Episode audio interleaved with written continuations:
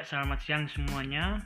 Terima kasih telah menyempatkan waktunya untuk mendengarkan podcast kami. Ya, sebelum memasuki pembahasan pada podcast hari ini, perkenalkan dulu ya. Nama saya Raffi. Saya Bima. Ya, pada podcast kali ini kami akan membahas tentang hubungan Omnibus Law dan sejarah pemikiran ekonomi, teori-teorinya.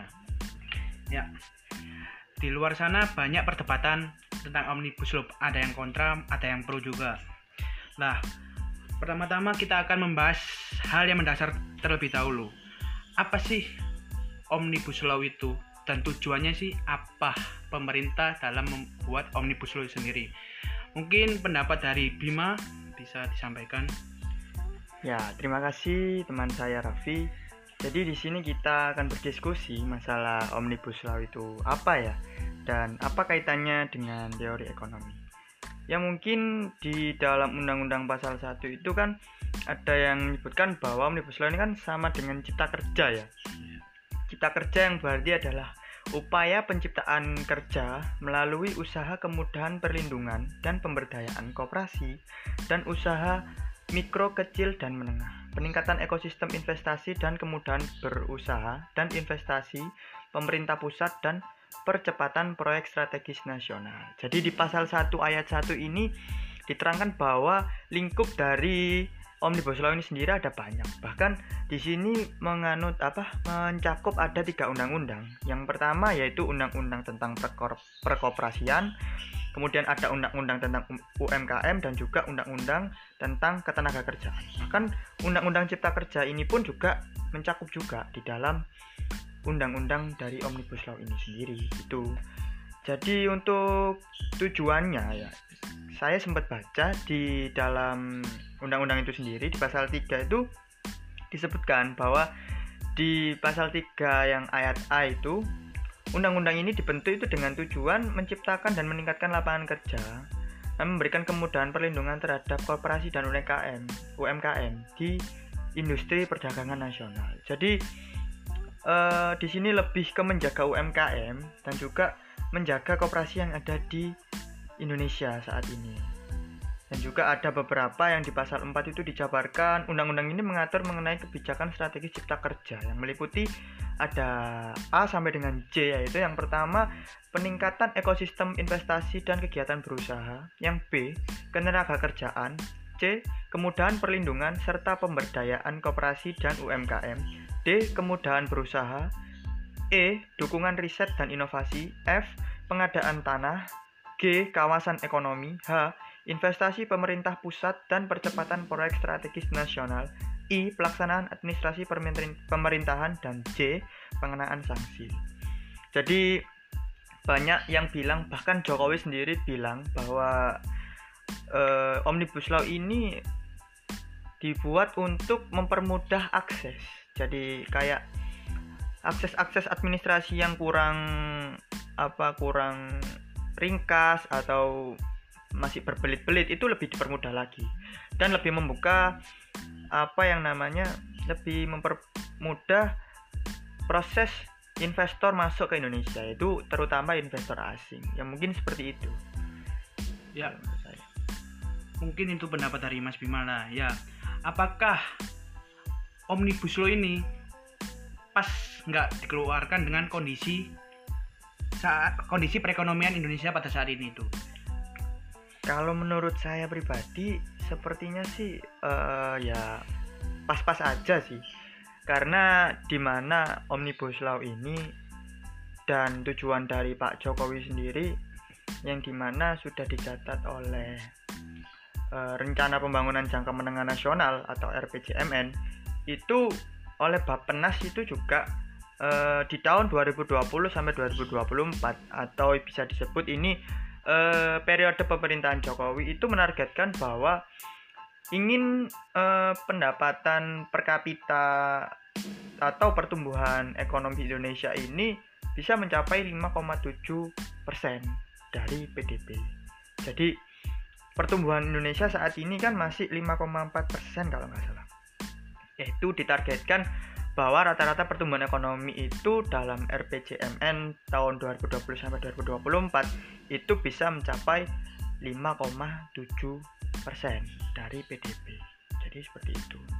Dan juga eh, dilihat dari Badan Pusat Statistik tahun 2018 itu juga sebagai basis langkah pencapaian dari PDB per kapita itu pendapatan PDB kita per kapita secara nominal itu masih 56 juta per tahun dan nilai PDB nominal itu 14,837,4 eh 14.837,4 ribu triliun dan tingkat PDB per kapita 2018 secara real tercatat 39,4 juta per tahun dan pertumbuhan ekonomi secara real dalam satu dekade terakhir 5,4 persen. Jadi target kita masih kurang 0,3 persen dari yang dicanangkan oleh Pak Jokowi sendiri. Nah, rata-rata pertumbuhan yang dicanangkan itu pun dari PDB pengeluarannya itu juga terbagi di beberapa lini kayak ada konsumsi rumah tangga, konsumsi pemerintah, dan juga investasi, ekspor dan impor. Dan menurut saya di sini tuh uh, sangat uh, beriringan banget ya karena di target di rencana dari pembangunan jangka menengah nasional ini ini investasi sangat berpengaruh besar di pengeluaran. Jadi di sini uh, investasi sangat berpengaruh sekali dan juga selinear dengan omnibus law. Investasi dari luar itu dipermudah, maka menurut saya untuk menuju Indonesia maju itu sangat berpengaruh dan mungkin bisa dibilang pro ya di pembahasan kali ini. Karena Indonesia sendiri ingin menjadi negara maju dia ingin menargetkan bahwa apa namanya ekspor itu lebih banyak. Kita melakukan perdagangan itu lebih banyak daripada kita melakukan proses impor. Jadi negara maju ini dinilai dengan banyaknya ekspor ke luar negeri. Jadi seperti itu. Nah, menurut Bima sendiri nih ya, omnibus law ini lebih condong ke kapitalis atau sosialis? Kalau saya menangkap ke ini ya, itu saya mungkin bisa menyebut bahwasannya ini condong ke kapitalis kayaknya. Jadi pemerintah ini menekan uh, sistem merkantilis ya. Merkantilis itu kapitalis ya ya mungkin seperti itu jadi uh, merkantilis itu kan uh, dimaksudkan bahwa negara ini harus maju dan negara ini bisa maju itu karena dia melakukan proses ekspor ini lebih banyak daripada proses impor. Jadi orang-orang itu lebih mementingkan berdagang ke luar negeri daripada melakukan ekspor ke luar negeri. Jadi manfaat perdagangan luar negeri itu uh, istilahnya kita lebih mengenalkan juga apa namanya kayak produk-produk dalam negeri ke dalam luar negeri, ke luar negeri. Jadi seperti itu. Dan juga di apa paham merkantilis ini negara ini harus melakukan perdagangan dengan negara lain dan sumber kekayaan negara ini diperoleh melalui surplus perdagangan luar negeri yang nantinya akan diterima dalam bentuk uh, berupa devisa atau mungkin pendapatan negara yang dari luar negeri. Nah, dan juga uh, menurut saya itu investasi yang dimasukkan ke Indonesia pada kali ini itu juga menunjang menunjang di mana tenaga kerja pun kita juga mengambil dari luar negeri gitu. Jadi kita mengambil beberapa tenaga kerja asing yang dijelaskan juga di dalam UU Omnibus Law bahwasanya Indonesia mempekerjakan tenaga kerja asing di dalam uh, lingkup ketenaga kerjaan di dalam negeri ini sendiri. Cuman ada yang menyalahkan persepsi bahwasanya seluruh tenaga kerja ini diganti oleh tenaga kerja asing tapi pada dasarnya kita ini hanya butuh skill dari tenaga kerja asing. Tapi kan yang terjadi polemik saat ini kan e, mengapa tenaga kerja asing itu tidak, tidak diwajibkan berbahasa berbahasa Indonesia. Ya mungkin itu yang jadi masalah oleh orang-orang luar bahwasanya nanti itu kita ada penjajahan atau bagaimana ya. Jadi eh, mereka semua terpaku dengan apa namanya pendapat tersebut. Jadi ya mungkin orang-orang ini banyak yang menyalahartikan juga tentang gaji yang didapat atau bagaimana. Mungkin seperti itu. Nah dari penjelasan Mas Bima tadi kan kayaknya kan tenaga kerja asing tuh lebih diuntungkan dari tenaga kerja dalam negeri sendiri itu. Nah gimana menurut Mas Bima tentang hal itu kalau menurut saya sendiri, tenaga kerja asing lebih diuntungkan daripada tenaga kerja dalam negeri itu bukan berarti sih, karena uh, untuk melakukan apa kerjasama pun di Indonesia harus tenaga kerja asing itu menggunakan bahasa Indonesia tuh.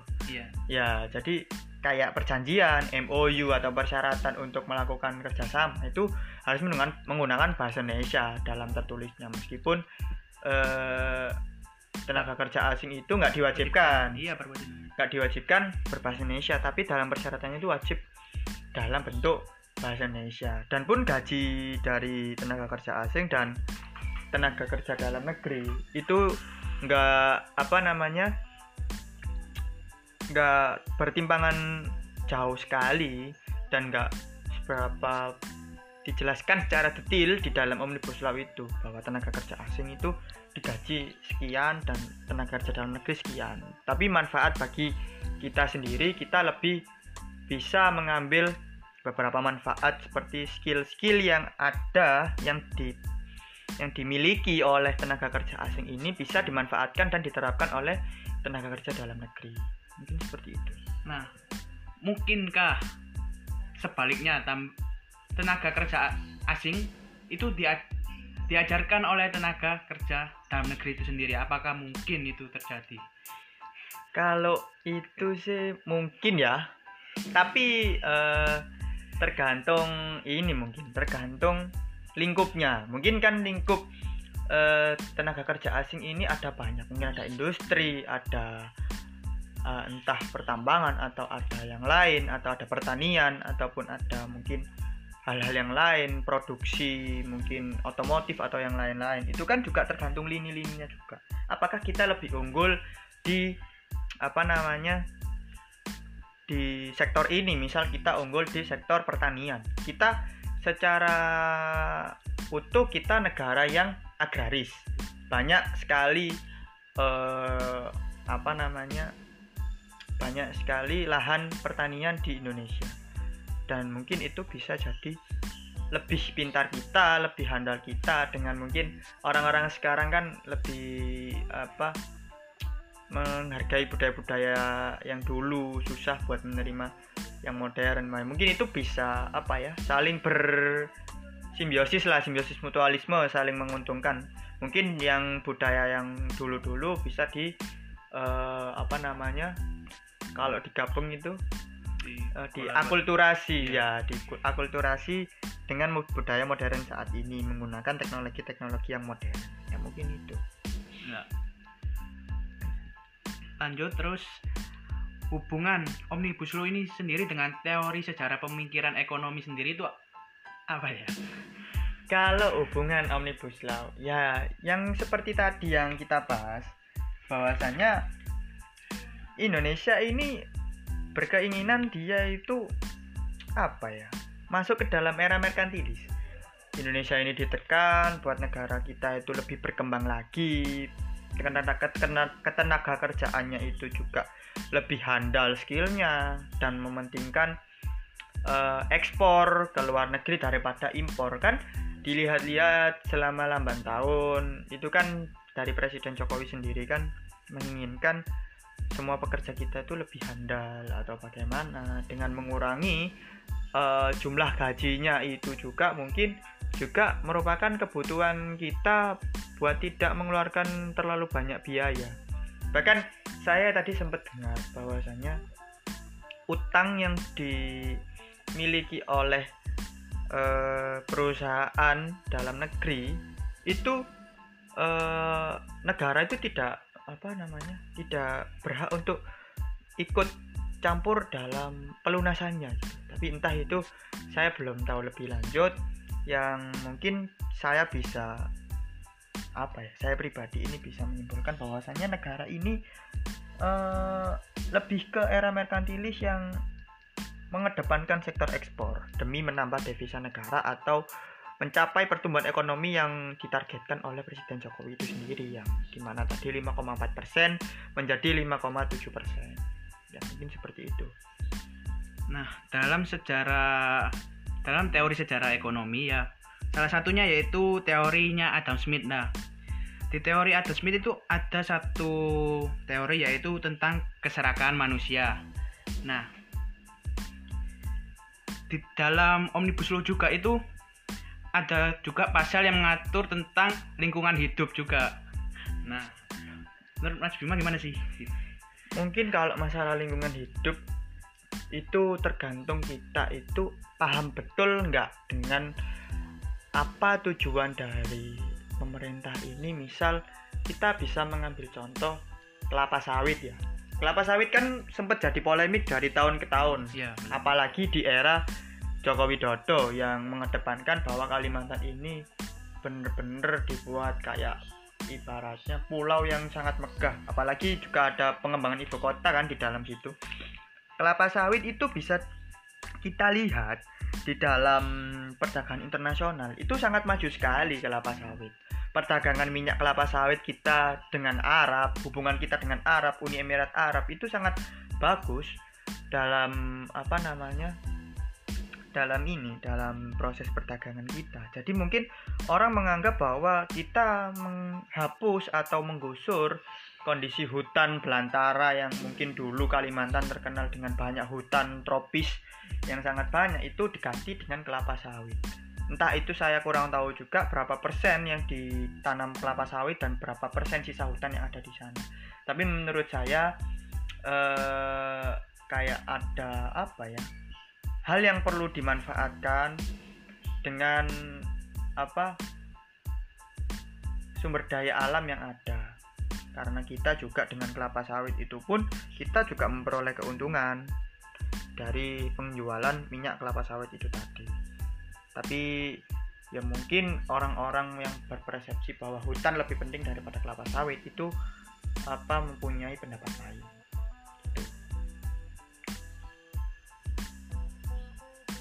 ya mungkin dari Mas Raffi sendiri apakah ada apa ya pendapat dengan lingkungan hidup kita terhadap UU Omnibus Law ini sendiri? Apakah berpengaruh banget ataukah merugikan apakah menguntungkan?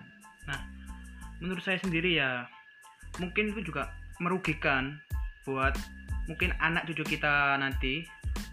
Karena kan kayak penggusuran lahan gitu kan penting juga. Apalagi kan Indonesia kan sendiri juga penghasil disebut-sebut juga kan paru-paru dunia. Nah, apabila dengan lahan yang lahan hijau yang digusur itu, apakah anak cucu kita juga bisa menikmati udara segar? Apa mungkin ya besok apabila tidak ada tanah hijau sendiri itu mungkin oksigen itu akan lebih, berkurang gitu ya? iya, ya. lebih berkurang dan harganya pun kayaknya lebih mahal daripada air. Tapi dan, bisa kita ya mungkin uh, lebih apa ya lebih berpikiran positif aja sih. Kalau menurut saya bahwasannya ya mungkin dari pemerintah sendiri juga ada kebocoran tentang UU tentang hukum adat sendiri. Yang kemarin oleh YLBA sendiri juga sempat disinggung waktu ada wawancara dengan Najwa Shihab dengan tim narasi itu juga mengapa UU Omnibus Law ini itu lebih disahkan lebih dulu daripada UU hukum adat yang setiap tahun itu dikesampingkan. Nah, mungkin itu yang membuat semua orang geram sih daripada uh, Omnibus Law ini sendiri. Karena UU hukum adat itu kan juga menjaga orang-orang pedalaman yang mungkin tidak punya uh, istilahnya hukum yang mengikat dia dan melindungi dia jadi ibaratnya pemerintah sendiri kayak kurang berpihak juga nah, jadi mungkin ada benernya juga dari Mas Raffi terkait mungkin uh, lingkungan hidup ini juga penting untuk anak cucu kita ke depan atau mungkin untuk menjaga oksigen itu sendiri. Nah, di awal kan tadi kan Mas Bima bilang kan ya, omnibus law ini untuk menguntungkan investor luar negeri lah. Kan ada juga para pekerja kita yang hak-haknya itu di, dikurangi. Seperti tentang aturan-aturan kontrak tanpa batas atau hari liburnya itu dipangkas. Dan juga aturan soal pengupahan itu diganti. Pemberian upah ya? Iya. Nah itu kan berarti kan hanya menguntungkan satu sisi saja. Dan, dan tidak sesuai dengan apa ya judul dari omnibus law sendiri itu ciptaker lah. Kalau menurut saya itu ya kan saya sempat dengar dari beberapa sumber. Itu orang yang pensiun dan mungkin orang yang apa namanya di PHK itu kan hanya mendapat 25 kali gaji dari yang telah ditetapkan. Yaitu 25 kali gaji itu pun pemerintah juga ikut berkontribusi sih. Sebanyak 6 kali gaji. Jadi 19 kali gaji itu dari perusahaan dan juga enam kali gaji itu dari apa namanya pemerintah. Oke untuk di kali di apa topik kali ini sepertinya dirasa kurang adil gitu ya mas iya. Ya mungkin kurang adil karena ada sisa tujuh kali gaji ya mungkin seperti itu. Ya saya anggap benar sih karena dalam ketetapan awal yang di mana ada tiga, ketetapan 32 kali gaji itu berkurang menjadi 25 kali gaji. Tapi mungkin di situ ada maksud lain bahwasanya eh, ada hal yang lain. Mungkin ada pemenuhan teknologi atau bagaimana pemenuhan apa dari perusahaan tersebut agar perusahaan tersebut dapat berkembang tanpa eh, ini tanpa mengurangi gaji dari karyawan yang aktif atau karyawan yang tetap yang tidak pensiun atau tidak ter PHK ada yang tidak terdampak. Toh ya juga ada yang menyebutkan bahwasannya eh, orang-orang yang cuti libur itu kan ada yang menganggap bahwa di omnibus law ini ditetapkan bahwa apa namanya orang yang libur dan cuti itu ada pemotongan gaji, ya. tapi itu bergantung pada uh, perusahaan itu sendiri.